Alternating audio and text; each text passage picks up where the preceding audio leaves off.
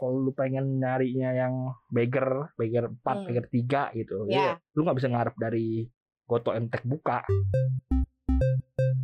Di saat-saat seperti ini enakan main yang pasti-pasti daripada lu berjudi di saham-saham teknologi.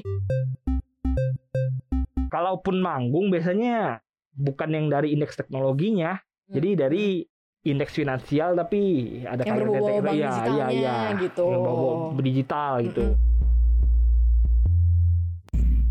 Paham pantauan saham. Makin paham makin cuan.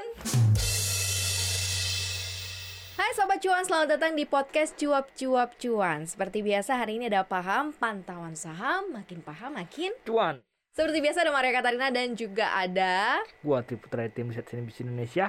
Ya pastinya ya setiap kali paham datang ke rumah Sobat Cuan di mana pun berada Di tempat Sobat Cuan mendengarkan ini kita selalu coba untuk kasih pencerahan. Karena topik-topik yang kita angkat nih Put katanya dianggap related. Lumayan Hmm. related lah. Waktu itu kita sempat bahas soal eh apa nyendalin saham macam-macam ya. Tema-temanya lucu-lucu ya yang kita ambil gitu dan kita angkat. Nah hari ini juga nggak kalah menarik. Mungkin sobat cuan ngerasain juga hype yang terjadi di saham-saham teknologi. Nah saham-saham teknologi kapankah bangkit kembali atau akankah bangkit kembali gimana nih Bro Putra karena kan kita menunggu hmm, saham-saham teknologi Hmm. Indonesia perform lagi seperti dulu gitu ya kayaknya kalau taruh duit di situ cepet aja gitu kan naiknya ke Milau DCII gitu kan Hmm. inget gak sih sampai D- DCI emang gak ada yang cuan. Siapa sih yang cuan dari DCI? ah banyak kan Nah, jarang banget. Kalau cuan juga cuma satu lot, 10 lot, 5 lot. Masa sih Karena nggak liquid, iya na- tapi naik harga sahamnya kan tapi nggak gila. liquid. Nah ini nih, yang kayak gini-gini nih, kok bisa sih kan kalau kita lihat nih ya, lo eh, lihat harga saham pertama kali listing misalnya 500 perak, Hmm.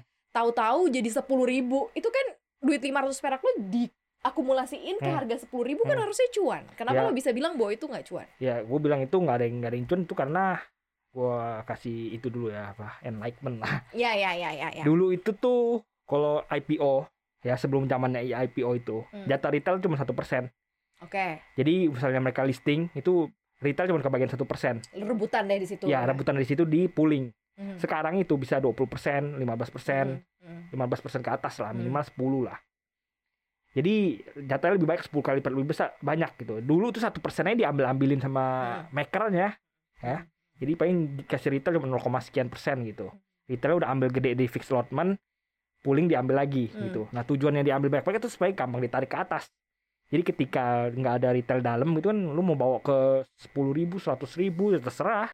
Karena nggak retailnya kagak ada, lu tinggal buy buy buy buy buy, tinggal kena tunggu kena marah bursa aja gitu. Mhm, di Ya, stop dan Ya iya iya, perdagangannya, masalahnya ya oke. paling kena marah bursa di di di suspend lah apa sekali. Tapi ya harga saham naik lanjut terus. Seperti yang ke- kejadian di DCI dulu kan seperti gue bilang zaman dulu apa sebelum ada IPO ini kan DCI kan listing sebelum ada IPO ya. Data retail cuma satu persen jadi lu beli ya kebagian. Kau selalu misal lu ngomong beli dari 500 ya yang dapat di 500 cuma yang cuma orang-orang ikut IPO. IPO doang. Ikut IPO bukan IPO ya. Hmm. IPO belum ada ya dulu. Yang ikut IPO tuh sedikit segelintir yang yang dulu kan masih zamannya ngantri-ngantri dulu ya. Paling kan Berarti- segelintir orang di bawah 100 orang gitu. Berarti memperkaya yang punya saham berarti ya owner ya. Owner juga nggak tambah kaya. Owner kan kagak jualan. Kan kita udah tulis tuh, Ya. kekayaan bertambah. Ya kekayaannya sekian. cuma cuma tertulis doang bertambah sekian kan nggak nggak guna. Yang Oke. yang dapat duit itu yang repo. Ya, you, you tau lah itu sempat ada berita siapa yang repo Iya gitu. iya Nah, siapa itu. yang repot. Jadi sebenarnya di, di tujuan ditarik itu ya supaya bisa direpoin gitu. Ah, Tapi ya lu ngomong retail cuan seba- siapa sih? Oke. Segelintir orang sangat sedikit sekali gitu Nah, yang, yang ini- ngambil dari 500 lo jual di 50 ribu dikit banget gitu. Paham, paham, paham. Nah ini ngerti gue, kenapa kok akhirnya, makanya Sobat Cuan pada nanya, apakah gemilang dari sektor teknologi ini bakalan uh, muncul lagi? Karena kan ada yang terlihat di market kan kayak gitu Put, ya kan? Uh, harganya, harga sahamnya dari sekian ke sekian. Wah gila nih. Iya, Kalau gue beli- aja gitu. Iya kalau gue beli di sini harusnya duit gue Iya. misalnya yang satu juta jadi 100 juta misalnya kan itu kan hitungan kasar dan hitungan awam kenapa gue nggak ikut Iya kalau kalau aja jadi ujung-ujungnya. Kalau kalau nggak salah ya kalau gua gua udah agak lupa soalnya kejadian udah lama. Iya, iya. Yang ngantri IPO cuma dapat satu atau dua lot gitu, di bawah Hmm. 10 lot lah. Nah ini kan kalau kita uh, balik ke mengenai fenomena saham teknologi, apakah Hmm. memang secara karakteristik sama? Maksudnya sama gimana secara karakteristik? secara karakteristik sama nggak sih kayak gitu memang sama ada terbang Ya, tinggi gini. kan- Enggak, enggak. apa ada memang yang uh, dalam kalau market maker memang selalu ada Iya, ya iya. nggak bisa ditiadakan maksudnya aja ada makernya kok. ya maksudnya selalu memang menarik dan cukup ciamik deh gitu karakteristiknya gitu saham-saham teknologi Hmm. ya kalau lu ngomong kayak Bukalapak, Goto, sebenarnya itu kan exit plan investor lama. Jadi ya kalau mau ngomong bakal terbang ke DCII ya susah, mau bagger satu, bagger dua ya susah kayaknya gitu. nggak nggak gue nggak nggak ingin menyamaratakan seperti DCI kan Ah. ada yang belum terbang nih soalnya nih kan Ah. kayak Goto malah um, blesek gitu kan Terus sekarang juga masih ditunggu-tunggu juga nih untuk jadi orang juga nanya Blesak kayak buka tuh, blesak. itu drembep kayak besek lagi. Nah akhirnya orang-orang pada nanya gitu, ini bagus nggak gue masuk di harga segini? Boleh nggak gue masuk di harga segini? Kan pertimbangannya kalau kita bicara mengenai uh, saham itu kan potensialnya kayak gimana? Nah saham-saham teknologi ini di mana posisinya? Growth. Se- ya growth Kalau growth kan berarti akan akan Iya. berkembang. Sebenarnya tujuan lu investasi apa? Tujuan dulu, misal lu Hmm. pengen pengennya memang doyannya saham-saham growth ya udah mah masuk ke sana mau lu mau gambling di sana ya oke, it's okay Oke. gitu. Ya satu juga ada beberapa udah terkoreksi parah kan kayak Hmm. Bukalapak gitu ya. Udah Hmm. kalau mau ngomong sekarang ya secara valuasi udah udah reasonable ya sebenarnya udah reasonable sekarang gitu. Cash Hmm. dia aja udah berapa gitu. Iya. Kalau mau ngomong kayak misal Goto harganya masih belum berbeda jauh dari IPO Mhm. ya kalau mau naik naik jauh ya agak berat gitu karena ada ada ada pihak-pihak yang keluar gitu. Hmm. Tapi kesal lu, lu mau ngomong Goto bisa longsor parah sebenarnya juga dijaga. Jadi ada kepentingan buat ngejaga Goto karena Goto masih mau listing tahun depan nggak salah katanya. emang kalau disebut Mau, lis- eh, mau dual listing gitu. mau dual listing. Nah, ini mungkin bisa momentum nih dual listing kan Iya. biasa ya. Nah, kalau seandainya kita dulu kan masuk ke satu saham dan dia growth itu ada potensial growth-nya dalam 1 2 tahun untuk investor ya, bahasanya Hmm. dalam tanda kutip ya akan ada kenaikan gitu, kenaikan Hmm. dari performa eh, harganya gitu. Nah, kalau tadi Performanya kalau growth mah performa salesnya, salesnya Oh iya, naik. maksud G- gue GTV, respon- GMV, misalnya itu itu. ya ya ya maksudnya respon dari investor retailnya juga kan apakah cukup baik atau tidak gitu untuk oh ini bagus nih eh, realnya jadi sehingga gue bisa punya sahamnya dan ikut nanti kalau misalnya kayak pemasaran lo naik atau per- perdaga apa dagangan lo bagus kan Hmm. apresiasi ter- investor terhadap Sebe- harga saham lo kan juga baik kan Sebenarnya Goto tuh ya ya sebenarnya kayak gini masalahnya ya. Itu tuh saham-saham startup ya itu kan banyak yang ngambil dari harga murah. Ya, Mm-mm. banyak banyak banyak investor suka awal. juga karena Nggak, banyak investor awal yang udah ngambil dari harga murah. Ya, Jadi kalau kalau misalnya misalnya contoh dia keluarin rilis laporan bagus ya terbang apa namanya minat retail masuk apa gede sahamnya Hmm, jadi liquid ya jadi kesempatan investor lama buat cabut gitu ya. Ini ada likuiditas ya keluar aja gitu. Gua ada gua jualan harganya ke longsor gitu ya mending jadi kesempatan buat jualan nih. Jadi sebenarnya masalahnya ya Hmm. karena karena harganya tuh banyak yang punya di bawah jadi berat naik ke atas gitu. Kecuali emang ada something big gitu. Misalnya contohnya dua listing lalu ternyata di US nanti harganya emang laku secara valuasi tinggi gitu. Jadi ya yang tadinya mau jualan juga mikir ya tadinya apa ini di, di luar negeri laku segini ya? Gue tungguin aja sampai di lo- lokal laku ke sana gitu. Hmm, jadi mereka hmm. mikir-mikir jualan sekarang. Karena bisa mendapatkan cuan lebih besar gitu kalau dibiarin naik gitu ya. Masalahnya sebenarnya itu aja. Saham-saham yang baru IPO terus saham-saham startup ini kan ya udah banyak yang megang di bawah. Makanya kejadiannya Bukalapak longsor kan sebenarnya gara-gara itu. Banyak yang Hmm. udah megang dari harga murah. Ya, ketika listing ya guyur aja sowat gue nggak gue nggak apa pasti walaupun jatuh harga IPO gue masih untung kok gitu Kalau dilihat nih ya Sobat Cuan mungkin kalau bisa cek indeks teknologinya kan macam-macam nih ya. Ada Atik, Buka, Cash, DCI, Diva, Digital, Media Tama Maksima, DMMX, EDGE, MTEK, NV, Galva, Goto, ada NC, ada Kios, Kren, ada Elmas. Lah banyak banget sih sebenarnya mungkin ada kali ya. 20-an lah ya. Hmm. Nah menurut lo ini akan seperti apa nantinya? Eh, kalau dilihat dari level-level harganya sih lumayan sih ada yang 50 Hmm. perak ya nggak sih? Terus ada eh ada juga yang dihargai cukup tinggi sekarang di 4 ribuan ya. Eh, Tech Indo Sterling Hmm. Teknomedia. Nah ini kayak gimana nih?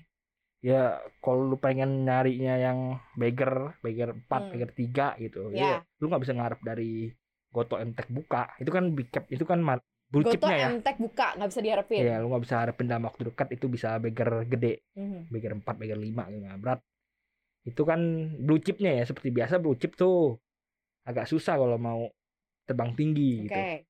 Kalau lu pengen misalnya ke depannya ada techno crash lagi, Mhm. ya lu masuk ke small cap small capnya. Small small. Small cap, di, small ya. di luar MTech Goto buka Iya, iya. berarti. Di- ya small cap small capnya di luar itu. Hmm. Nah dari beberapa ini tuh ada yang tanda kutip digoreng ya.